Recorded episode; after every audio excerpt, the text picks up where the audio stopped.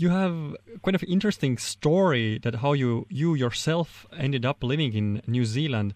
That you were born in a hospital that was later bombed. What happened with your family story? What is your background story? Well, uh, I just finished uh, and published uh, three volumes. One of my a translation of my father's um, uh, memoirs, and then uh, my own memoirs, which ended up in two volumes much to my uh, family's uh, shock. Yes, I, I was uh, born in, as I said, uh, in Tallinn, and um, it was during the, the German occupation there. My father had been um, an Estonian army officer. He went to the Estonian Academy uh, just before uh, the Russians arrived. In fact, he was there on the on the border when the Soviet Union marched across, and they were ordered to put down their weapons. Uh, he was one of the. He managed to um, to resign before they were all incorporated uh, or taken over by the Soviet army. So he didn't get uh, caught up with uh, those that were sent to Siberia as work battalion in that uh, stage of the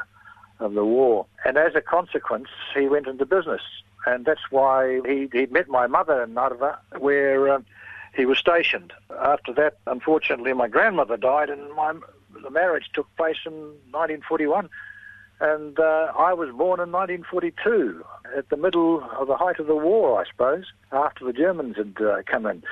Then, of course, uh, he went into business with his brother, but then when the Soviets um, started uh, approaching the Estonian border again, a lot of his age group were mobilized conscripted into the uh, army again. And in this case, he was one of the ones that went um, in the Estonian Legion, and he ended up uh, Sinimäed. He was a company commander of uh, tank uh, company, uh, anti-tank company uh, on the border. Subsequent to that, uh, 1944, as the Soviets made a breakthrough down in Tartu, he arranged for us to, my mother and I, and along with my grandmother, to be um, up in Paldiski where we were staying with friends on a farm, and uh, through them, we, uh, because of a connection with a merchant captain who was in the harbour, we managed to scramble onto the ship there uh, on the 19th of um, September 1944. So we made that journey down the Baltic three or four days. We were able to dodge the submarines where the ships uh, in front and behind us were sunk, arriving in Danzig, and then uh, we ended up uh, going through the end of the war period as re- uh, refugees from there, uh, trying to get to the west towards where the Americans were. This is my mother, my grandmother, and I. My first memory actually was of uh, being uh, attacked by a fighter aircraft in the train, which uh, was, had refugees and um, my um, they rushed into the forest and uh, in the first part of the attack, and I can remember it because I wanted badly to go to the toilet. My grandmother was lying on top of me, and that was the thing I think that brought that memory back. Because uh, after the attack, we, we just had to walk on by foot, eventually ending up uh, in Augsburg, which was a refugee uh, camp made by the Americans, and uh, in in Hochfeld uh, in Augsburg. And uh, from there, we, after five years, we managed to get a passage through mutual friends who had gone before us to be uh, sponsored to go to New Zealand. Unfortunately, my grandmother had to stay behind for health reasons, and um, uh, that was the last I actually saw my grandmother because she ended up uh, about a year later going with my aunt and uncle to America, where uh, they were accepted. So we journeyed uh, to uh, New Zealand on the Dundalk Bay, which was a um, the first refugee ship to land in New Zealand, and it was in Wellington as I landed. What an incredible journey and story! Yes, it was. It was actually. I, have got a managed to get a good record of all this because uh, one of uh, the people on the boat, who's uh, now passed away, Jan Loke, he'd kept a diary, and his daughter who was also a bit younger than me, uh, they had kept it and they gave it, uh, they discovered it and gave it to me, and I translated it into English so that my family could uh, read it as well, and others, because it make it easier. Uh, and uh, I was able to use a lot of that um, uh, material that he'd recorded, and it triggered back memories of my. Because I could still remember that quite clearly. I remember that part of it, even though I was seven years old, six or seven. these these memories came back. So yes, uh, it was an interesting sort of a period of life. Of course, then I hit the uh, New Zealand with not being able to speak English and had to start uh, sorting my way through learning the English language and uh, adapting to New Zealand culture.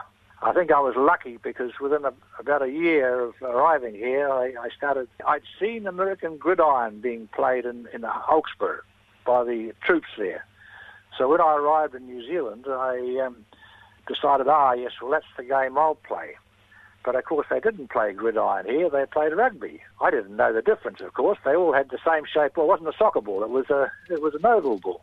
So I started playing rugby, and that actually was probably the best thing that happened to me because it turned out I, I could play reasonably well, and I always seemed to be always in the team. So. Uh, it sort of broke a lot of barriers, even though initially I, my accent was a bit uh, foreign. It, uh, it was considerably overlooked in the early days, and, and one thing led to another, and I think probably that's why I got selected for Duntroon. Uh, certainly wasn't on my uh, outstanding uh, academic uh, uh qualifications. Uh, I like to think that that uh, got me to my army career, or the beginning of my army career anyway, at Duntroon. With your life experience now, and as being yourself a refugee, Estonia is facing this dialogue about refugees at the moment, and it has happened and it's still continuing.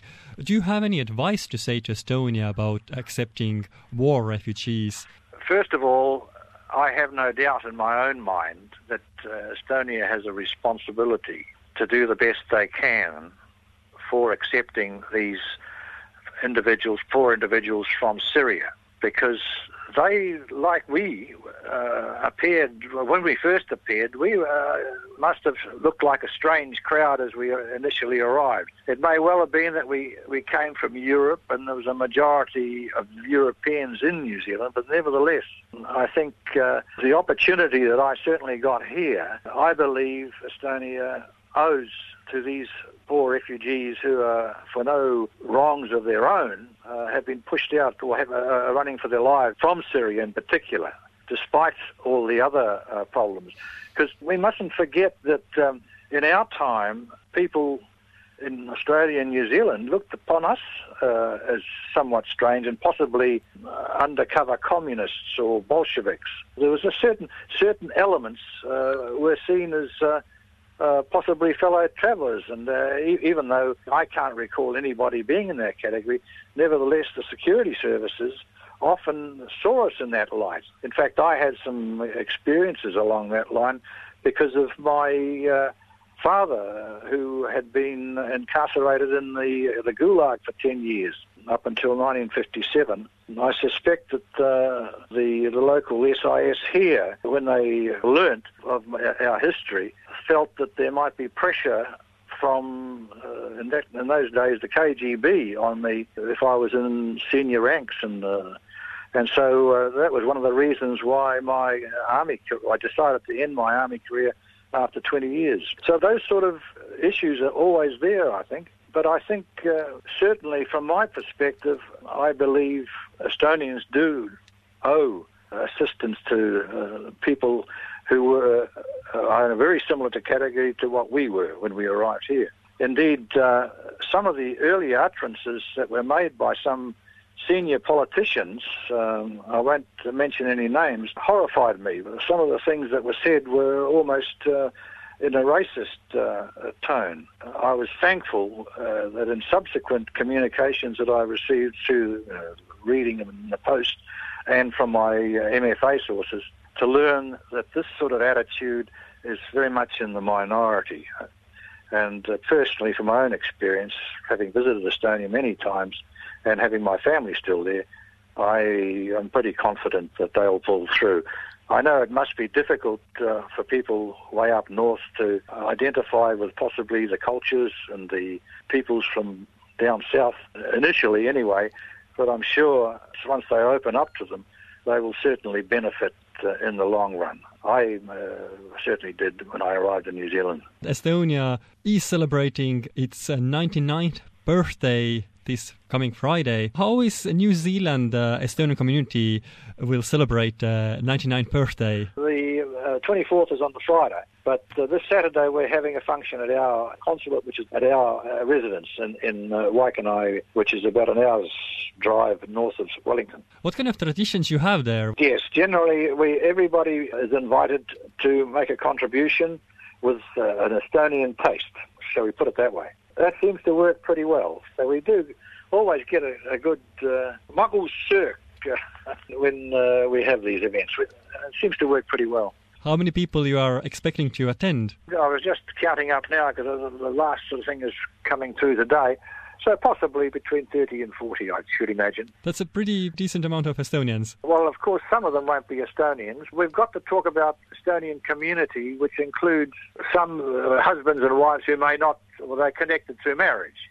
I'd include that in, the, in that number. One of the problems is that most now don't speak much Estonian, although they try, but uh, they don't get the opportunity to regularly um, talk in Estonian. In my own case, I left uh, home, went to boarding school, what, at the age of uh, 13, and after that I went into the army. So, uh, and that was sort of kept me well away. So I already stopped speaking in uh, Estonian when I, when I was in my teenage years and didn't really come back to it until many, many years later. In fact, 15 years when I got uh, drawn into the um, Estonian uh, community in Wellington again, and they got me to uh, be the convener here before I became the honorary consul. So yes, it's um, difficult if you don't have regular sort of uh, chances to speak.